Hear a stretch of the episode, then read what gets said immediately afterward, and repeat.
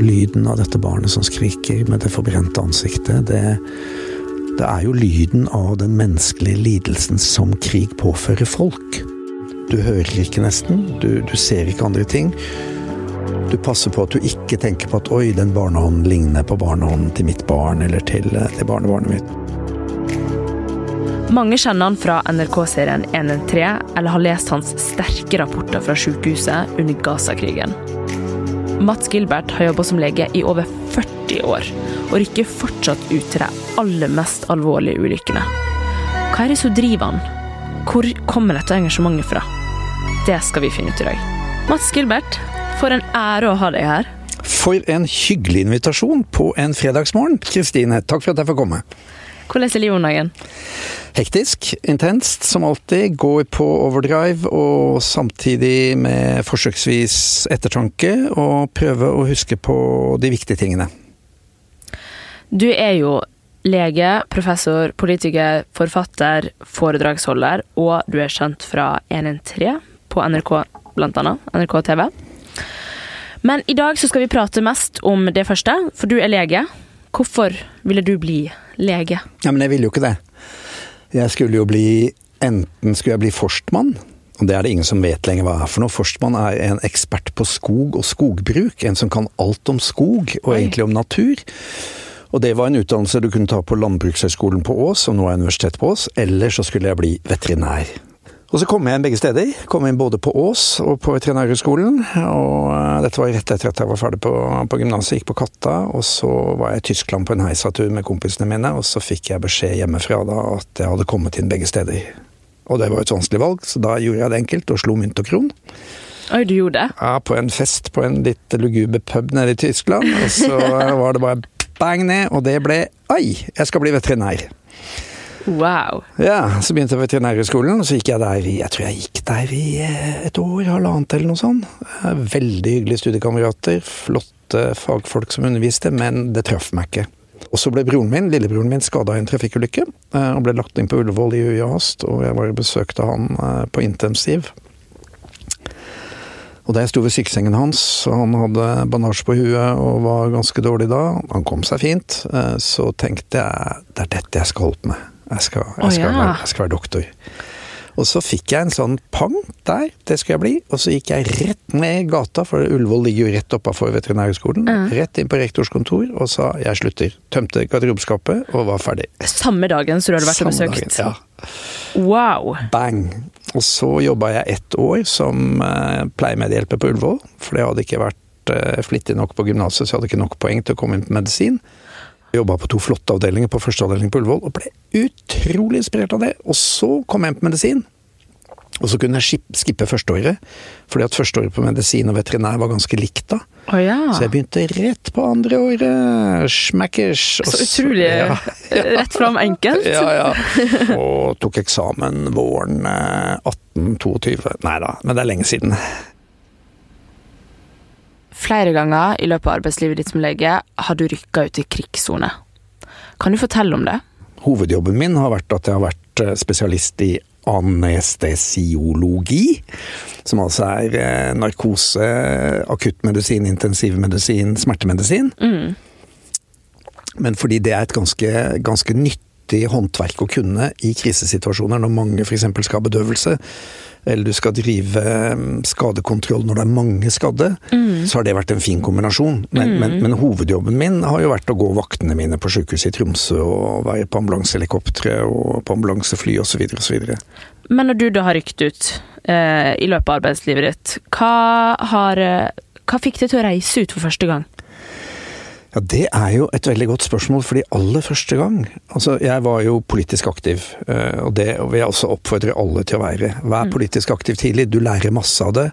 Så jeg var politisk aktiv eh, i studietiden, eh, og eh, ble veldig opptatt av internasjonal solidaritet. At det var veldig mye folk rundt om på jorda som var, hadde det fælt. Var undertrykt, var fattige, var okkupert, var, levde under vanskelige forhold.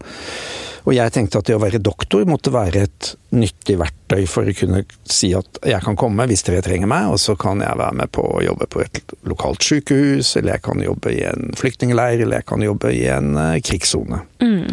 Og den første gangen jeg hadde tenkt å dra, det var faktisk i 1967. Ett år etter at jeg var ferdig på gymnaset, og da var det slik at da var det krig i Midtøsten mellom Israel og de arabiske nabolandene. Mm. Og da kom det en appell fra den israelske ambassaden i Oslo om at øh, norsk ungdom måtte melde seg for å dra til Israel og jobbe i kibbutz for å eh, fylle opp for de israelerne som dro ut for å krige med de forferdelige araberne. Mm. Og det tenkte jeg, det var bra, det var internasjonal solidaritet. Så jeg dro ned på den israelske ambassaden og meldte meg frivillig. Hadde ikke hørt om palestinerne. Og ble sjekket og telt øyne på, veid og målt og fysisk i god form. Og ja, du kan gå. Du kan dra. Og samme kveld så fikk jeg en telefon fra søstera mi som var litt bekymret, for hun og venninna til søstera mi som het Ebba Wergeland, de hadde skjønt at jeg var litt ute på sklia. Og så sa søstera mi ja, du har tenkt å dra til eh, Israel? Ja, internasjonal solidaritet, sa hun. Sa jeg. Nei, ikke akkurat, nå må du komme, vi må snakke med deg. Så ble jeg litt innkalt da, til de her to store jentene som gikk på medisin, de òg, men et par kull over meg. Og så fikk jeg for første gang høre fortellingen om palestinerne. Jeg hadde ikke hørt et ord om det på skolen. Jeg hadde ikke hørt et ord om det på videregående. Jeg visste ikke at Palestina var okkupert. Jeg visste ikke eh, at Nakba hadde skjedd, altså 48, da staten Israel ble opprettet. Og Palestina ble delt i to, og de mistet halve landet sitt. Alt det hadde jeg ikke hørt om. Jeg hadde hørt, som de aller fleste i Norge, om Israel som fikk ørkenen til å blomstre, og de hadde kommet til et land hvor det ikke var noen mennesker, og det var deres rett, osv., osv. Holocaust. Forferdelig holocaust, selvfølgelig. Det skulle da på en måte Europa tilbakebetale, dårlig samvittighet, eh, og det skulle være på bekostning av palestinerne. Mm. Så jeg skjønte at oi, har jeg tatt helt feil? Hva, eh, du endte ikke med å dra, da? Nei, så Nei. dagen etter gikk jeg ned på den israelske ambassaden og sa jeg trekker meg, jeg ble ikke med. Oi. Og de var hva, hvorfor det, hvorfor det? Så sa jeg nei, fordi at dere har jo eh, Dere har ikke snakket sant. Eh, Dere okkuperer jo Palestina, og jeg er faktisk eh, på palestinernes side. Og så meldte jeg meg inn i Palestinakomiteen, og så dro jeg til på Mitt første ordentlige oppdrag var i 1981. Da var jeg ganske ung doktor i spesialisering, og det var da bombing i Beirut, og i 82 var det invasjon. Og da fikk jeg min første eh, virkelig dramatiske opplevelse av hva bombing og krig og ødelagte menneskekropper er for noe. Hvordan var det? Helt forferdelig. Og, eh, og helt fantastisk. Og det er nesten kanskje ikke mulig å forstå begge deler, men på den ene siden eh, død, ødeleggelse, bombing av alt. Ambulanser og sykehus og boligblokker og gater og vannledninger eh, dag og natt gjennom hele den glovarme sommeren 82. Og byen var beleiret av israelske styrker, så alt var kuttet. Altså strømforsyning og matforsyning og energiforsyning. Og det ble bombet dag og natt. Og vi jobbet i et lite feltsykehus i en garasje, eh, og det, det bare velta inn med sårete. Men den andre siden, som gjorde så sterkt inntrykk på meg, det var hvordan palestinerne og de libanesiske helsearbeiderne eh, sto oppreist. Tok ansvar, viste mot og aldri ga opp. Så det var på en måte en samtidig fortelling om menneskelig storhet og menneskelig lidelse. Og jeg møtte en liten palestinsk gutt som het Khalil, som i et bombeangrep hadde mista mora si og venstrearmen sin. Og han forandret for resten av livet mitt måten jeg ser på mennesker og pasienter, fordi vi har så lett for å bare se lidelsen og svikten, og det folk ikke får til. Han hadde jo mistet armen og mora og det lille huset i flyktningleiren. Og når han kom til oss, så kom han fra et annet sykehus som var blitt bomba, så han ble evakuert på natta sammen med en masse andre pasienter og kom til oss, og hadde da amputert venstre arm over albuen, og det måtte vi skifte på. På krigsår må du skifte på mange ganger om dagen, så det ikke skal bli infeksjon og blodforgiftning. Ok. Og vanligvis så gir vi litt smertestillende og bedøver litt for at det er ganske vondt, men han Khalil sa nei, doktor Mats, lær meg hvordan jeg kan gjøre det sjøl.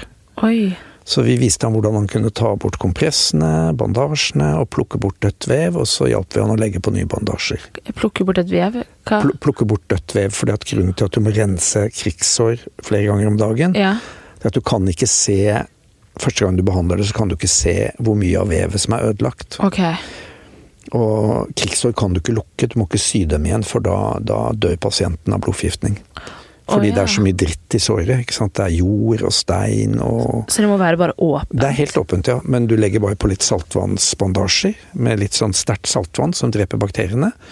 Og så skifter du på det mange ganger om dagen. Okay. Og det gjorde han helt selv, mens vi bare hjalp han. Han lærte meg noe om ikke bare se etter det som ikke funker, men se hvordan du kan bidra til at det som er arrestfunksjon, og det som faktisk funker, Mm. kan få mer styrke, kan bli oppmuntret, kan få lov til å utfolde seg. Og sånn er jo vi mennesker. Vi er både sterke og svake. Mm. Vi er både glade og triste. Vi er både dyktige og ikke, ikke fullt så dyktige. Og det å se den balansen, og ikke bare lete etter det som ikke funker hos folk, men lete etter det som faktisk funker, det lærte jeg masse om i Beirut i 82. Og så lærte jeg selvfølgelig veldig mye om palestinernes historie. Og situasjonen som flyktninger. Det er den største flyktninggruppen i verden siden 48. eh, Og forever since så ble Palestina en del av hjertet mitt og en del av livet mitt.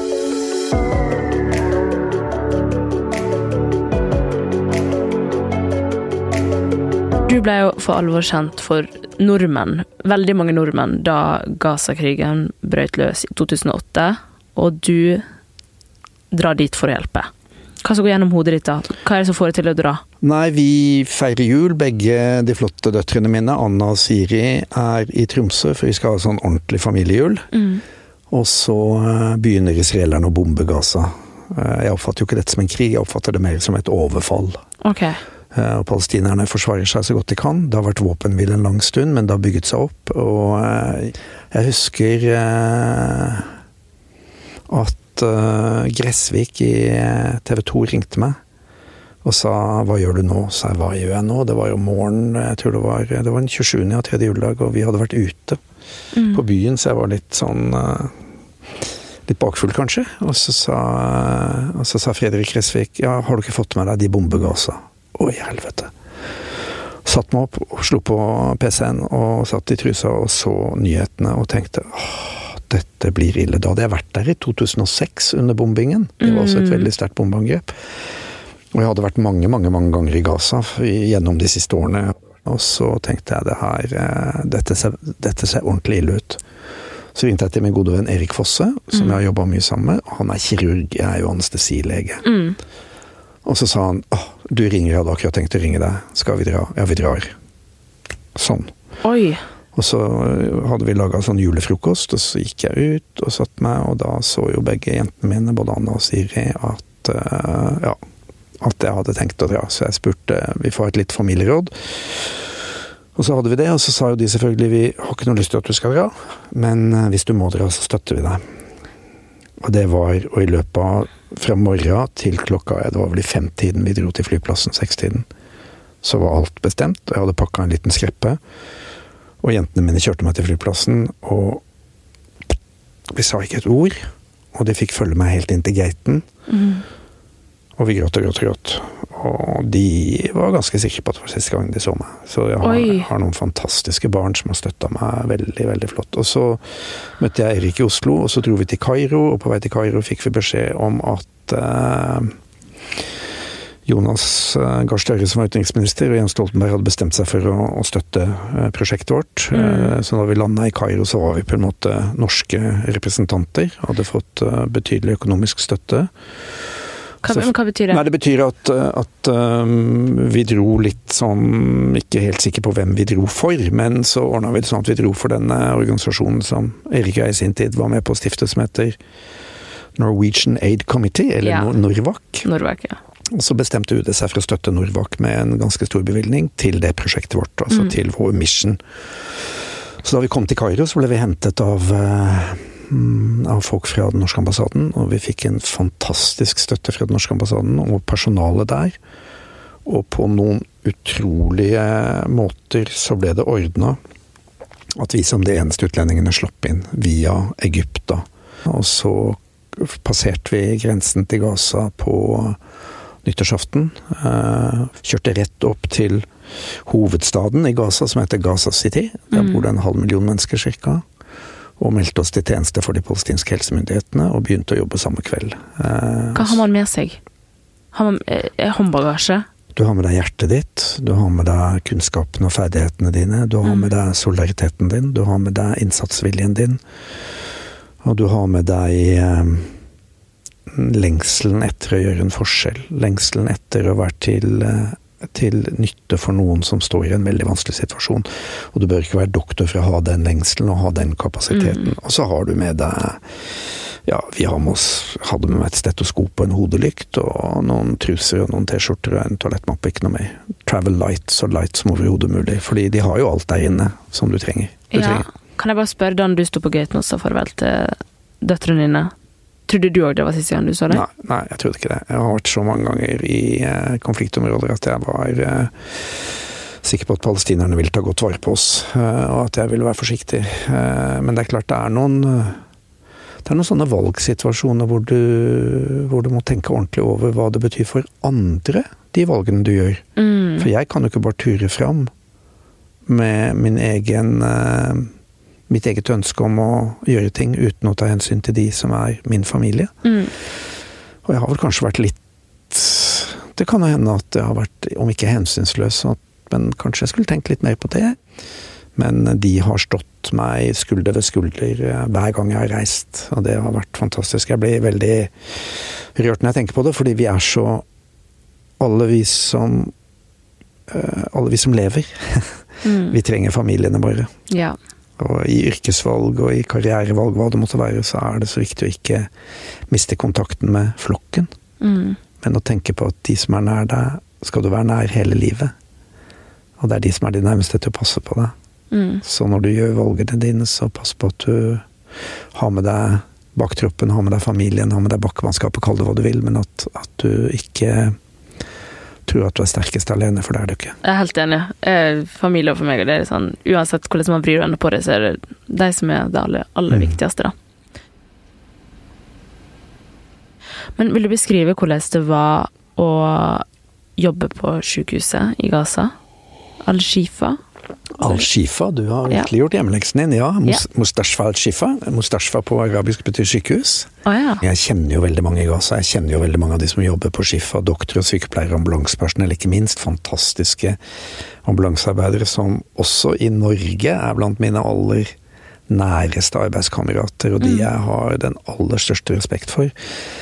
Så på en måte så var det litt som å komme hjem. Sånn 'Å ja, der er du, doktor Mats'. Eh, Og så flirer noen og sier ah, 'Kommer du igjen? Hver gang du kommer, så blir det krig', og så ler vi, og så Det, så det er sånn stemning? Ja, ja, ja. ja. Men var det det i 2008, når eh, Altså, det er krig? Ja, det var eh, Altså, du overlever på en måte ikke hvis du setter deg ned og bare fortviler. Mm. Da, da kan du Da må du Da gir du opp.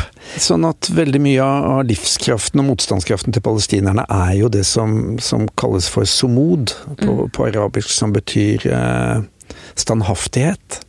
Standhaftighet er et fint ord. betyr at du er stø, du står på, du er ubøyelig, du gir deg ikke. Mm. Ikke? Og for ikke gi oss, eh, for ikke å gi opp når det er vanskelig, at vi ikke skal gi oss, så må vi ha med oss litt humor også. For det at humor er liksom det er liksom søskenbarnet til gråten. Det blåser av følelser. Hvis vi kan flire en god vits, så, så å, får vi blåse av litt av det emosjonelle trøkket. Eh, og så slipper vi å gråte. Og så skal vi gråte når vi skal gråte, selvfølgelig. Jeg sier ikke at vi ikke skal gråte, men, men latter og, og, og gråt er på en måte søskenbarn i, i den eh, følelsesmessige mestringen vår av vanskelige situasjoner.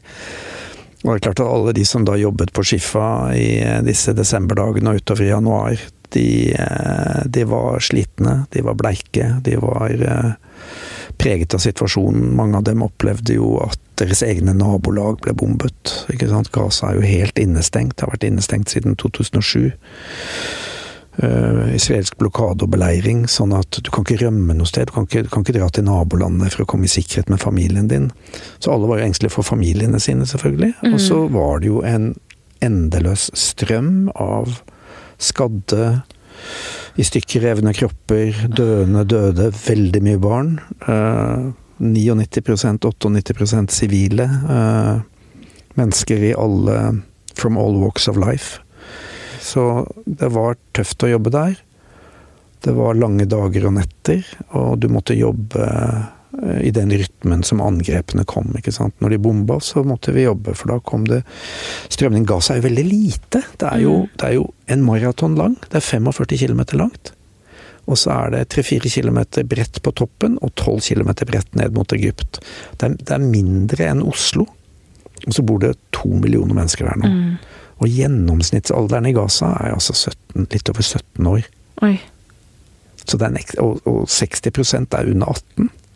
Det er en veldig ung befolkning, og det bærer jo da også pasientstrømmen preg av. Det kommer masse unge mennesker som er skada, kommer masse barn. Det kommer mange eldre, fordi barn og eldre de er ikke så kjappe til å komme seg unna når bombene hagler. Oh, ja.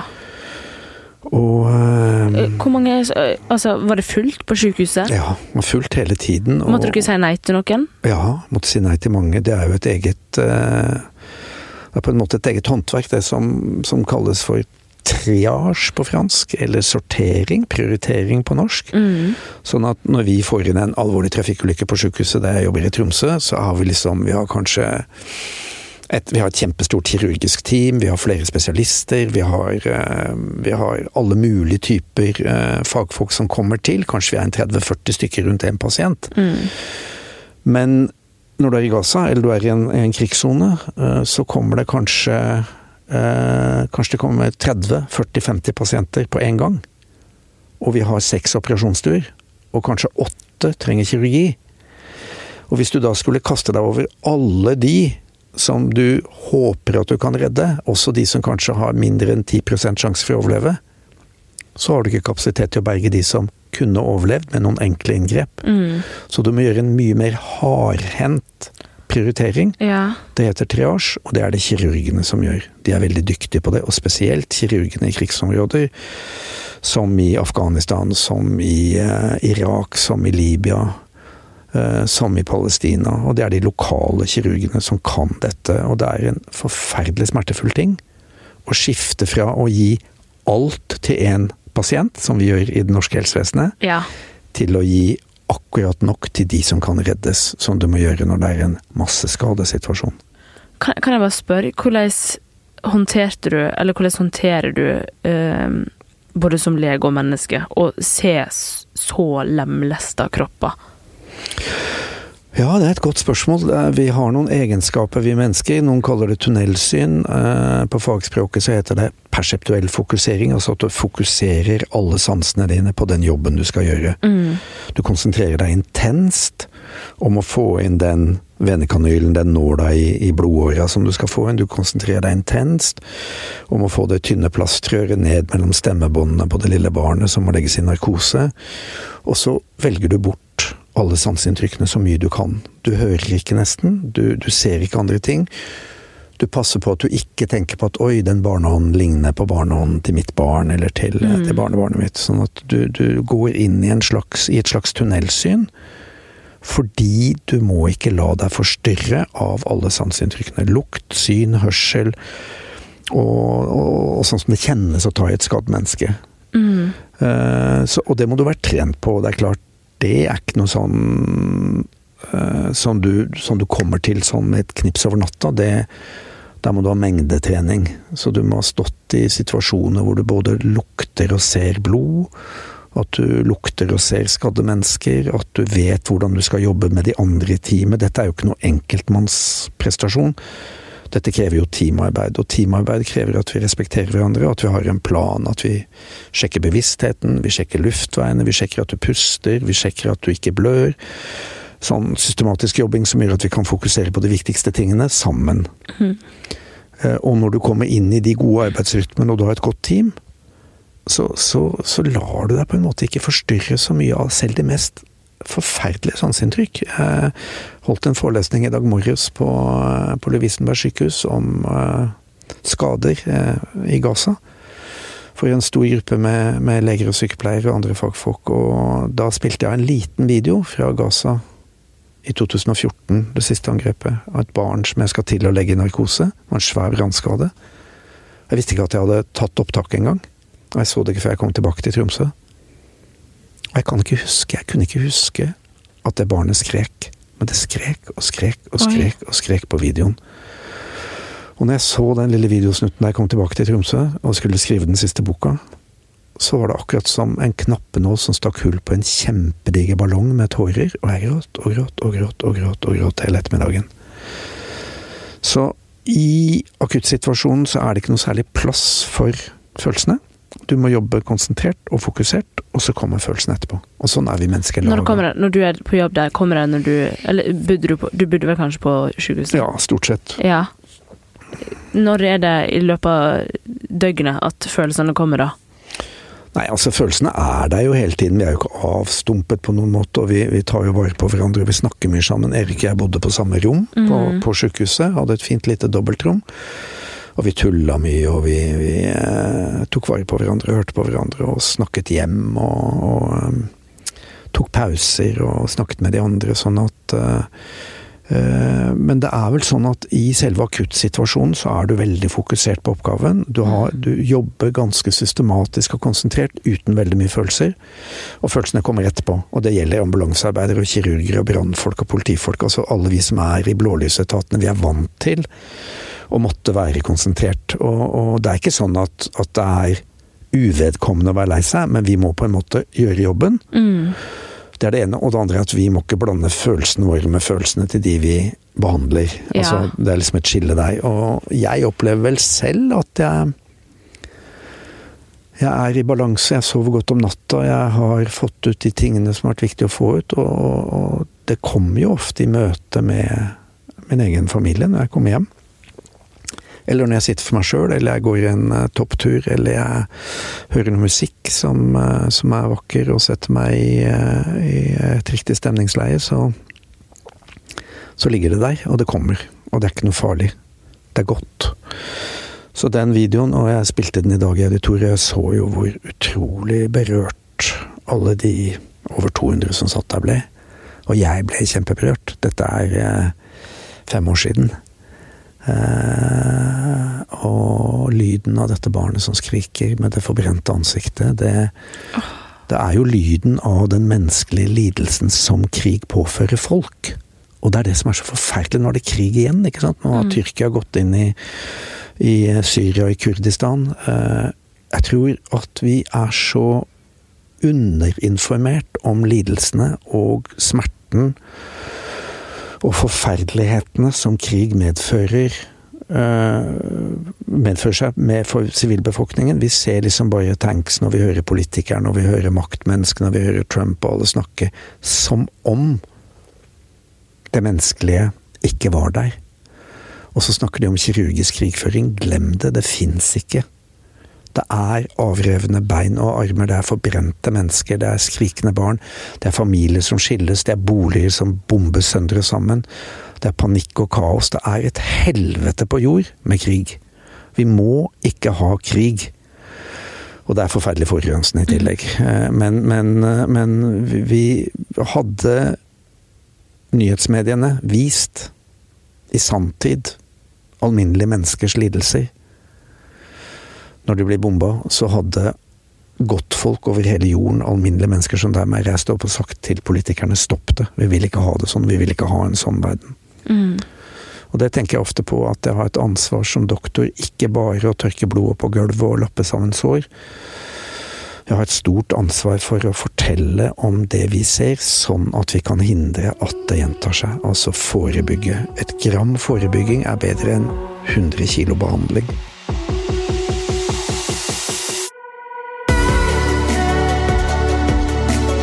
Følte du deg trygg på sykehuset? Ja. Så trygg som det går an å være. Vi fikk jo på et tidspunkt beskjed om at vi måtte evakueres fordi israelerne hadde tenkt å bombe Shifa-sykehuset. Eh, Hva følte du da, eller hva tenkte du da? Nei, da måtte jo Erik og jeg ta oss en veldig grundig prat. Vi hadde avtalt to ting da vi dro. Vi skulle inn sammen, og vi skulle ut sammen. Ok. Skulle ikke skille lag. Og når den meldingen kom, så fikk vi beskjed om at det ville bli en, eh, en løll, som det heter. Altså de ville, Israelerne ville stoppe å bombe, så det skulle bli gitt fri passasje ut til grensen, og det skulle komme en eh, pansret bil fra FN og hente oss, og bla, bla. Og da tenkte jo vi at det var tre muligheter. Enten så skulle de bare lure oss ut, fordi vi var blitt en ubehagelig stemme, fordi vi rapporterte jo hele tiden. Ikke sant? Og vi var det eneste whitish der. Ja. Fordi Israel hadde jo den ikke så smarte taktikken at de hadde nektet internasjonal presse å komme til Gaza. Så dere to som to norske leger blir jo på en måte de eneste Ja. ikke-arabiske Ikke som kan rapportere ut. Ja, helt riktig. Mm. Og vi, eh, vi sendte jo både bilder og rapporter, så, altså pasientene først alltid, men, men vi sendte jo batcher med bilder og rapporter Mm. til de norske journalistene som satt rett utafor grensen i nord i Israel. Og det var selvfølgelig ikke ønskelig, så det var et argument for å få oss ut. Og så tenkte vi hm, kan vi dra nå, midt i bombingen, og stikke av nå? Og kommer de til å bombe sykehuset, eller kommer de ikke til å gjøre det? Og så tenkte vi hvis de bomber sykehuset, da, da er det slutten. Mm. Og hvis de ikke bomber sykehuset, så kan vi jo bare bli. Så alternativet var enten å, å dra og stikke av, eller å bli. Og vi ble. Var ikke du redd da? Nei, jeg var ikke redd. Altså, du Jo, jeg var redd. Jeg husker en kveld, en natt. eh, Jeg skulle gå fra Skiffa og er bare noen hundre meter til det pensjonatet eller hotellet, lille hotellet vi pleier å bo på, Marna House. Og Mm. plutselig så hørte jeg en drone over meg, og så tenkte jeg faen, du er en idiot. Du går her aleine i mørket. Alle, og dronene ser jo alt som beveger seg. De har jo både infrarøde kamera, varmesøkende kamera, de ser alt. Ok. Now is the perfect time to take you out, tenkte jeg. Og så ble jeg kjemperedd. Og så begynte jeg å småløpe, og så var porten inn stengt. Og så måtte jeg klatre over et sånt der, som er sånn jernport. Og så tenkte jeg herregud, nå må du konse så du ikke blir hengende fast med bein i en av de her stakittene, jernstakittene, for det ville være komplett latterlig. Huh, jeg, kom, jeg kom meg inn Men jeg må bare spørre. Eh, som frivillig lege i et krigsområde, hvordan klarer man seg økonomisk?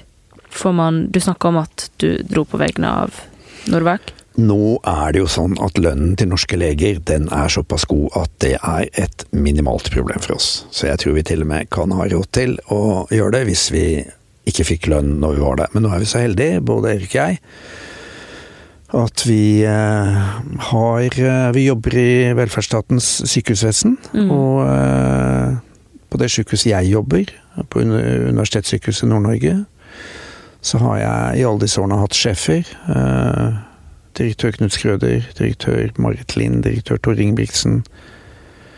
Og den nåværende sjefen som sier at internasjonalt medisinsk arbeid skal være en del av det vi opplever og ta ansvar for ved vårt sykehus. Vi skal ikke bare være opptatt av vår egen andedam, vi skal også vise global solidaritet.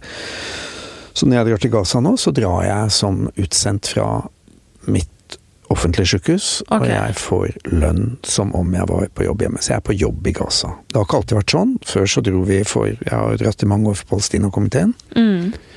Og da eh, var det de aller første gangene så var det noen som ikke ville gi oss fri, noen politikere. Noen som sa at vi ikke fikk lov å bruke ferie. Da var det mye mer politisk motstand. Men nå er det nok sånn at vi kan forhandle med arbeidsgiverne våre om å få dra på eh, internasjonale prosjekter. Og det gjelder eh, mange typer internasjonal bistand hvor eh, norske offentlige arbeidsgivere vil gi deg permisjon med lønn eh, for en begrenset tid, hvis du har et oppdrag som er akseptert. Mm.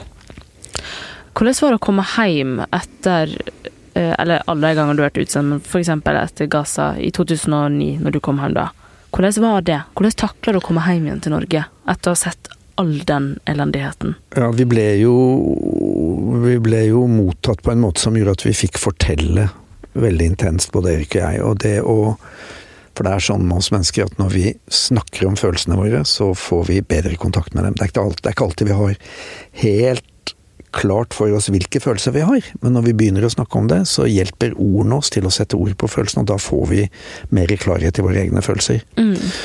Så det å få snakke om opplevelsen er kjempeviktig, og det fikk både Erik og jeg massevis av muligheter til. Vi ble intervjuet, vi hadde pressekonferanser, vi, vi ble invitert overalt, og vi skrev boka. Ja, dere har gitt ut bøker, Ja. og veldig masse internasjonal presse òg, ikke bare i Norge. Masse, masse, masse. Og vi bestemte oss egentlig på turen hjem, kanskje, eller i hvert fall når vi kom til Oslo for at vi skulle skrive bok. Mm. Og det var masse forlag som var interessert, og vi gjorde avtale med Gyldendal, fikk masse støtte der. Og i løpet av eh, tiden fram til sommeren så skrev vi da den boka som heter 'Øyne i Gaza' sammen. Vi skrev annethvert kapittel. Og boklanseringen, da den ble presentert på Gyldendal, jeg husker det godt, i auditoriet i Gyldendalhuset, så var det jo direktesendt både på NRK og TV 2. Så vi fikk jo masse oppmerksomhet og masse muligheter til å snakke om det. Det var den ene måten. Det her husker jeg at jeg så på nyhetene. Ja, akkurat. Og så var det selvfølgelig familien min, da. Ungene mine. Anna og Siri og uh, familiene deres. Min egen familie. Søsken. Uh, foreldre. Arbeidskameratene mine på sykehuset. Fantastiske arbeidskamerater som stilte opp for meg når jeg var borte. Tok vaktene mine. Mm. Uh, ja, det kommer mye følelser når jeg snakker om det, fordi det var så, yeah. det var så det var veldig Og som jeg sa i stad, følelsene kommer etterpå. Det er klart at når du da kommer hjem og du slipper å se opp i himmelen og se om det er en drone der, og du slipper lukten av i stykker revete mennesker og brent kjøtt, og du, og du, setter deg ned med en kopp kaffe og en, en brødskive med geitost, og, og, det er trygt og godt, og du kjenner lukten av ungene dine, så, så fosser det jo på med følelser. Ja. Og det er godt. Ja. Sånn skal det være. Og det, det åpner for eh, for en bearbeiding som da ligger, som ligger utenfor ordene. Ja. Som ligger i det følelsesmessige uttrykket vårt, som ligger i det å være hjelpeløst uh, overlatt til varm gråt, som er en deilig ting. Når du får lov til å slippe det løs. Så hvordan var det å komme hjem? Jo, det var godt, men det var en annen viktig følelse. Og det var jo skyldfølelsen over at ha. Og den har jeg hver gang. Hver gang jeg forlater, så tenker jeg du skulle ikke ha dratt. Hvorfor det? Det var mer arbeid. Du forlot vennene dine. Hvorfor måtte du dra nå? Kunne du ikke vært lenger? Har du lyst til å gjøre mer solidaritetsarbeid ute? Ja, ja, ja. Kommer du til å gjøre det? Ja. Igjen? Ja, så lenge det er luft igjen i lungene og beina kan gå, så skal jeg drive med solidaritetsarbeid. Det er noe av det du skal tilbake til Gaza ja, nå neste ja, uke, sa du til meg? I ja, heisen på vei opp hit? Ja, blir nok ny Gaza-tur. Vi får se. Ja, jo da. Og vi har mye spennende prosjekter. Nå driver vi jo med opplæring i livreddende førstehjelp. Vi driver med lekfolksopplæring, fordi vi ser at veldig mange som kommer inn Hva er det for noe?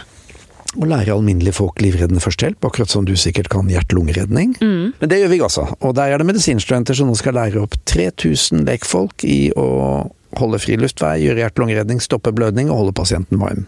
Oi. Og det er de viktigste tingene. Og så mm. forsker vi på det. Og så jobber de sammen med medisinstudenter i Tromsø, og så tenker vi på framtida at eh, det skal bli en bedre verden. Mm. Og da må dere som unge gjøre kloke valg. Og så må vi være snille mot hverandre. Være vennlige og høflige og hjelpsomme. Gamle, gode dyder. Og så må vi se de andre. Og tenke at alle de som kommer til Norge som flyktninger og asylsøkere, de har en historie med seg som vi skal lytte til.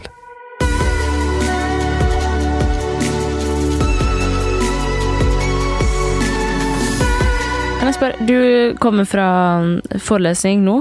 Um, hvordan ser en vanlig arbeidsdag ut for deg nå?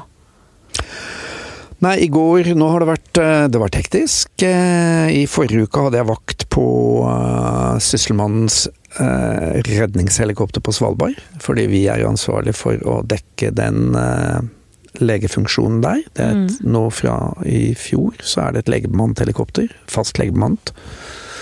Så da var jeg, dro jeg opp med fly til Svalbard forrige mandag, og så hadde vi vaktbytte, og så var jeg på vakt eh, i en uke sammen med flotte piloter og eh, teknikere. Eh, høyteknologiske fagfolk som holder helikopterne i stand, og som kjører heisen. Og redningsmann. Eh, og de flotte folka i Sysselmannsetaten og på Longyearbyen sykehus. Så vi hadde noen, en veldig alvorlig situasjon med en arbeidsulykke som var ordentlig En ordentlig farlig og, og, ja, vanskelig situasjon, men det ble mm. løst bra. Eh, og vi øvde masse, vi heiste på båt, vi trente på å bruke nattbriller, for nå kom jo den store polarnatten. Vi var ute og heiste på nattbriller Nattbrille? Nattbrille, ja. ja. Night vision goggles. Det er sånne spesialbriller som vi har, som forsterker lyset 20 000 ganger. Oi. Så selv i den mørke natten så kan vi se landskapet og bølgene og fjellene og stjernene og ikke minst nordlyset. Oi! Oh, nordlyset. Ja, ja, ja. Er, og nattbriller flyr vi med da både i ambulansehelikopter i Tromsø mm. og de andre ambulansehelikoptrene i Norge, og så flyr vi med det på Svalbard. Og det må du øve på hva er en bra dag jobb, på jobben for deg? Så en god dag på jobb, det er en dag med med mye menneskelig samvær med arbeidskameratene mine. Mye god pasientkontakt, pasientarbeid. Eh, og eh, En følelse av at vi har gjort litt vei i vellinga. At vi har forandra verden bitte, bitte lite grann i riktig retning. Eller gjort bitte lite grann motstand mot urettferdighet. Eller feil utvikling. Så da blir jeg glad, og da sykler jeg glad hjem fra jobb og føler meg eh, energized. Og det tror jeg er en følelse du kan ha uansett hvilket yrke du velger. Det å skape, det å ha gode arbeidskamerater. Mm. Og føle at du gjør en meningsfull jobb. Eh, og at eh, hjertet ditt er med hele tiden. Eh, at kjærligheten er med hele tiden. Eh, og at du føler at du har valgt en, at, du føler at du har gjort et riktig veivalg. Det er en spansk forfatter, jeg tror han heter Castaneda, som har sagt at enhver vei er bare en vei, og det ligger ingen fornærmelse mot noen i å forlate den. Hvis du er i tvil om en vei er en riktig vei, så still deg selv ett og kun ett spørsmål. Har denne veien et hjerte? Har den det, er det en god vei. Hvis ikke, er den ubrukelig. Å, det var fint. Ja.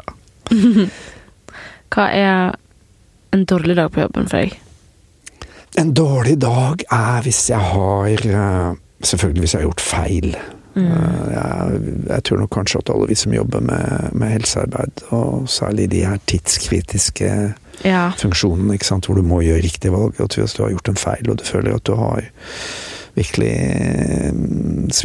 mm. Det, det er en vond følelse. Men det er, igjen, vi er ikke alene, vi jobber i team hele tiden. Så vi er ganske flinke til å hjelpe hverandre med å oppdage feil. Kjøre sjekklister. Er sikker på at vi har fått med oss alt. Når vi tar om helikopteret, så er det alltid eh, sånn at pilot og, pilotene leser en sjekkliste. Pre-takeoff-sjekklist har vi husket det, det, det, det, det. Og sjekklister hjelper oss å huske alt. Av utstyr dere skal med dere, eller liksom Ja, har du fjula, har du slått på radaren, har du slått på navigasjonssystemet, har vi med det, har vi med det? Nå har vi begynt med sjekklister i medisinen nå. Det er ganske mange, ja, ni år siden vi begynte med sjekklister på operasjonsstuene, hvor man leser opp en sjekkliste. Og så først så hilser hele team på hverandre. Sykepleierne, operasjonssykepleierne, anestesisykepleierne, kirurgene, andre teknikere som er der. Og så leser man en sjekkliste. Er vi sikre på at det er riktig pasient? Er vi sikre på at det er riktig bein? Er vi sikre på at det er riktig eh, utstyr vi skal ha, osv.? Fordi at vi er mennesker. Vi glemmer. Vi gjør feil. Vi misforstår hverandre. Vi kommuniserer dårlig. Sånn at i medisinske, kritiske situasjoner så er det lett å gjøre feil, og en dårlig dag på jobben for meg, det er at jeg har gjort en feil. Hvilket øyeblikk er det du husker aller best fra karrieren din?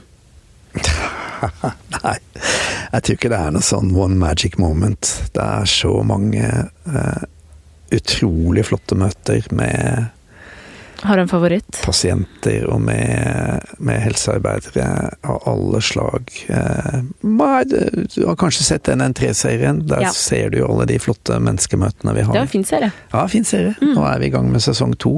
Oi, så gøy. Ja, ja.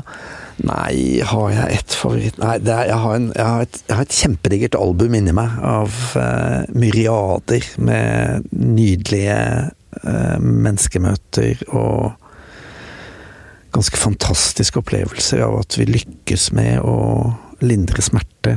Vi lykkes med å trøste. Vi lykkes noen ganger med å behandle, og noen, noen ganger lykkes vi med å redde et liv. Mm.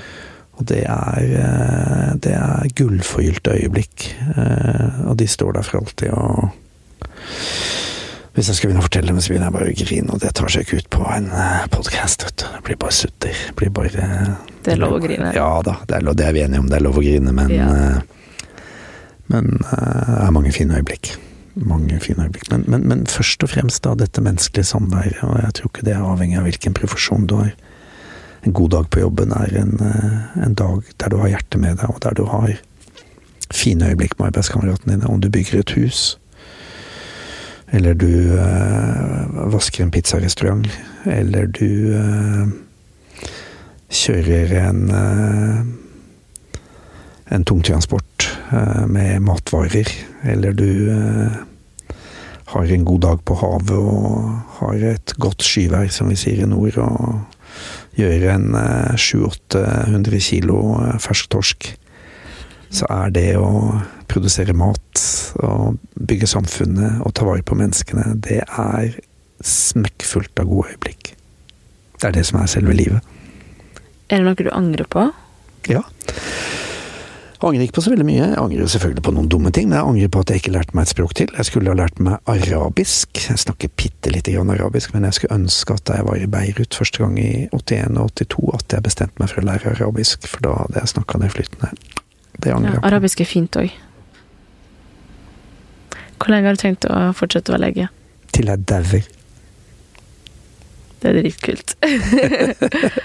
du er jo 70 Nei, jeg er 37, da står på klokka mi.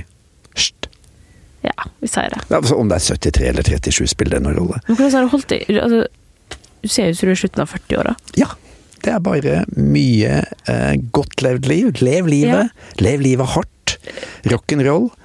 Vær, vær, vær nær selve livet. Ha det moro. Eh, lek mye. Vær mye sammen med unger. Lek mye. Eh, le mye. Og gjør ting som du syns er meningsfullt. Følg hjertet ditt. Og tør å gå dine egne veier. Våg å gå dine egne veier. Våg å gjøre motstand. Våg å gjøre opprør. Vi trenger opprør, og nå trenger vi opprør mer enn noen gang mot de idiotene som er mer opptatt av pengepungen enn av framtida til kloden.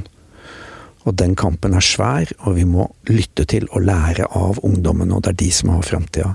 Det opprøret kommer, og vi som er voksne, vi må bare ikke drive og skulle styre det, vi må bare si hva vil dere at vi skal gjøre? Hvordan kan vi være til hjelp i det store opprøret dere har satt i gang?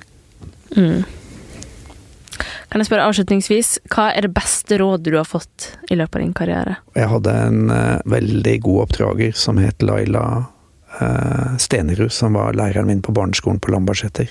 Og Laila Stenerud var fullstendig gudebenådet pedagog. Eh, vi var gutteklasse. Det var På den tiden var det gutte- og jenteklasser. Oi! 32 gutter var vi vel. På Lambertseter. Ganske tøffe. Det var å lære oss gode arbeidsvaner. Og så var det å lære oss sjølrespekt. Eh, at vi skulle være stolte av det vi fikk til. Mm. Og det er to sånne helt, helt avgjørende ting, tror jeg. Ikke sånn kritikkløs 'Å, så flink du er', 'Å, du har vært på do og bæsja, så flink du er'. Altså, men, men en sånn reflektert og gjennomtenkt uh, 'Oi, her kom det noe som var bra', og da kan du være stolt av det. Mm. Men det skal du være sjøl, du bør tusen andre som sier det til deg.